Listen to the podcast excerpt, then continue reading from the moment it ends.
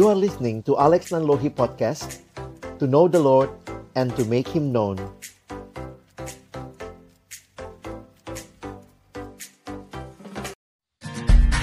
Hai sahabat perkantas, jumpa lagi dalam SMS Semenit menikmati Sabda.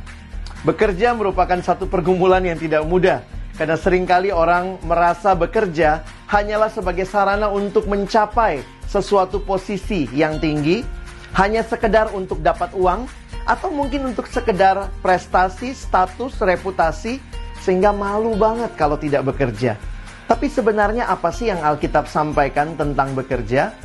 Kita hidup di dalam dunia milik Allah.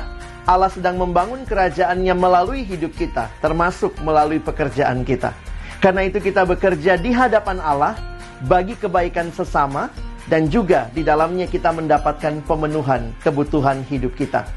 Karena itu kita mesti ingat, seperti firman Tuhan mengingatkan kita, apa pun juga yang kamu perbuat, perbuatlah dengan segenap hatimu, seperti untuk Tuhan dan bukan untuk manusia. Sampai jumpa.